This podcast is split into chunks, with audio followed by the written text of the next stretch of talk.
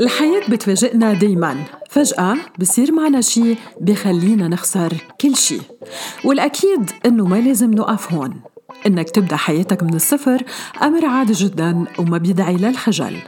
لازم تعرف كتير منيح إنه هناك دايما حلول من شأنها أنها تساعدك حتى تبدأ حياتك من جديد وتغيرها للأفضل. زيرو بودكاست بيحكي لك تفاصيل الموضوع وكيف تبدأ من الصفر. زيرو معي أنا عبير غزاوي.